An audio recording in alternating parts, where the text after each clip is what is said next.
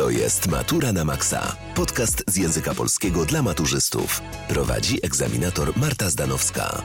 Notatki z bieżącego odcinka znajdziesz na www Wielka Powtórka Maturalna ukośnik Matura na Maxa.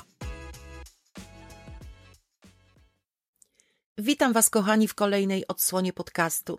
Dziś budowanie wypowiedzi argumentacyjnej krok po kroku.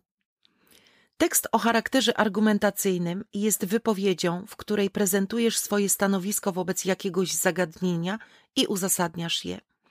Zatem wypowiedź argumentacyjna to spójny, wewnętrznie powiązany, logiczny tok rozumowania, który ma na celu przedstawienie i uzasadnienie jakiegoś sądu. W wypracowaniu z języka polskiego wasze uzasadnienie musi odnosić się do literatury, wskazać jej związek z życiem, a w przypadku tematów na poziomie rozszerzonym także struktury utworu literackiego i jej powiązania z oddziaływaniem na czytelnika. Czym charakteryzuje się tekst argumentacyjny? W tekście argumentacyjnym autor wypowiedzi rozstrzyga problem zawarty w temacie. Tekst ma charakter subiektywnego wywodu, czyli należy przedstawić swoje zdanie i dobrze je uzasadnić. Formułując osobistą opinię i potwierdzając ją, trzeba odwołać się do przykładów z literatury, by na ich podstawie zbudować przekonujące argumenty. Tekst argumentacyjny musi zawierać precyzyjne, konkretne, prawdziwe, czyli poparte przykładami, wiarygodne informacje, ułożone w logiczny sposób jasny dla odbiorcy. Wypowiedź musi być przemyślana, zaplanowana, przejrzysta i zrozumiała. Aby poprawnie zredagować swoją wypowiedź, powinieneś zająć stanowisko wobec problemu wskazanego w temacie, czyli postawić tezę lub hipotezę, uzasadnić przyjęte stanowisko, czyli przywołać trafne argumenty i zobrazować je odpowiednimi przykładami literackimi. Pamiętaj, przykłady mają być wsparciem dla Twojej argumentacji. Odwołać się do kontekstów, które pogłębią Twoje rozważania i w podsumowaniu przedstawić ostateczne wnioski z rozważanego problemu. No i najpierw analiza problemu. Planowanie wypowiedzi argumentacyjnej powinieneś rozpocząć od uważnego przeczytania tematu wypracowania, a następnie zastanowić się, o czym powinieneś napisać. W przeciwnym wypadku narazisz się na to, że Twoja argumentacja będzie powierzchowna, wnioski pochopne, a całość niespójna. Przed przystąpieniem do pisania możesz zadać sobie pytania pomocnicze. Jeśli chodzi o rozumienie tematu, czy rozumiem wszystkie pojęcia użyte w poleceniu? Jak je rozumiem? Jeśli chodzi o gromadzenie potrzebnej wiedzy, jakie informacje będą potrzebne do zrozumienia tego problemu? Jakie dziedziny wiedzy będą użyte? I w kwestii rozumienia problemu, jakie są możliwe rozwiązania, między jakimi opcjami wybieram, jakie mogą być konsekwencje mojego wyboru. Zanim przejdziemy dalej, zapisz się na wielką powtórkę maturalną. W 4 godziny omawiamy cały materiał wymagany na maturze. Do wyboru aż 10 przedmiotów maturalnych. Pamiętaj, że otrzymujesz gwarancję z danej matury. Z kodem Matura na Maxa zgarniesz minus 10% na wszystkie powtórki. Dołącz już teraz na www.wielkapowtórkamaturalna.pl Warto, byś robił sobie notatki w brudnopisie. To pozwala zebrać myśli i uporządkować je, nawet jeśli nie wszystkie zapiski wykorzystasz w wypracowaniu.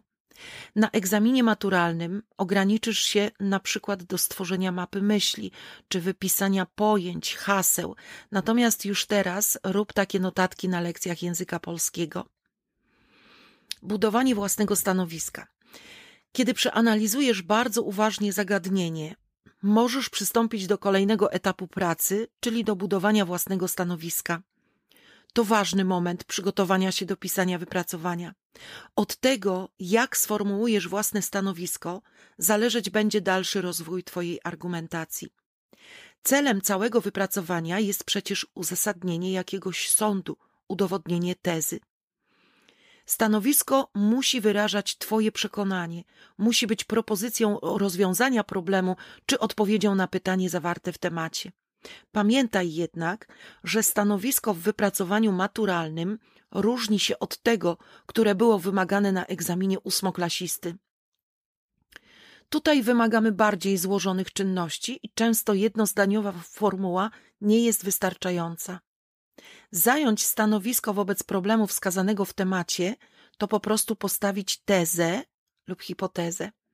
Teza czy hipoteza to trzon Twojej wypowiedzi, wokół którego zbudujesz rzeczowe argumenty i trafnie dobierzesz przykłady. I budowanie argumentacji. W kolejnym kroku powinieneś przystąpić do budowania argumentacji. Pomocne będzie, gdy odpowiesz sobie na pytania.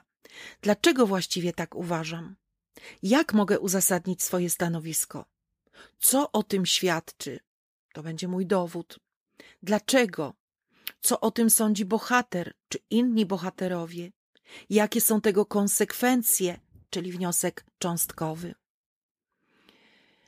I wniosek końcowy, czyli co wynika z Twoich rozważań. Pamiętaj, na maturze musisz się odwołać przede wszystkim do lektur obowiązkowych, ale musisz odwołać się również do innych kontekstów interpretacyjnych, na przykład do kontekstu biograficznego, jeśli biografia autora ma związek z tematem, do kontekstu historycznego, jeśli na przykład jakieś wydarzenia historyczne odnoszą się do utworu, do kontekstu filozoficznego, jeśli dostrzegasz koncepcję filozoficzną bliską autorowi, y, do kontekstu egzystencjalnego, jeżeli dostrzegasz szerszy kontekst doświadczeń ludzkich, do kontekstu historyczno-literackiego, jeśli potrafisz odwołać się do twórczości autora y, czy epoki, w której tworzył. Dlatego potrzebna Ci będzie bardzo dobra i szczegółowa znajomość lektur obowiązkowych z zakresu szkoły podstawowej i liceum i oczywiście znajomość kontekstów interpretacyjnych. Więcej informacji znajdziecie na naszej stronie internetowej wielkapowtórkamaturalna.pl oraz na Instagramie i TikToku. Tyle dzisiaj. Do usłyszenia w kolejnym odcinku podcastu, na który serdecznie Was zapraszam.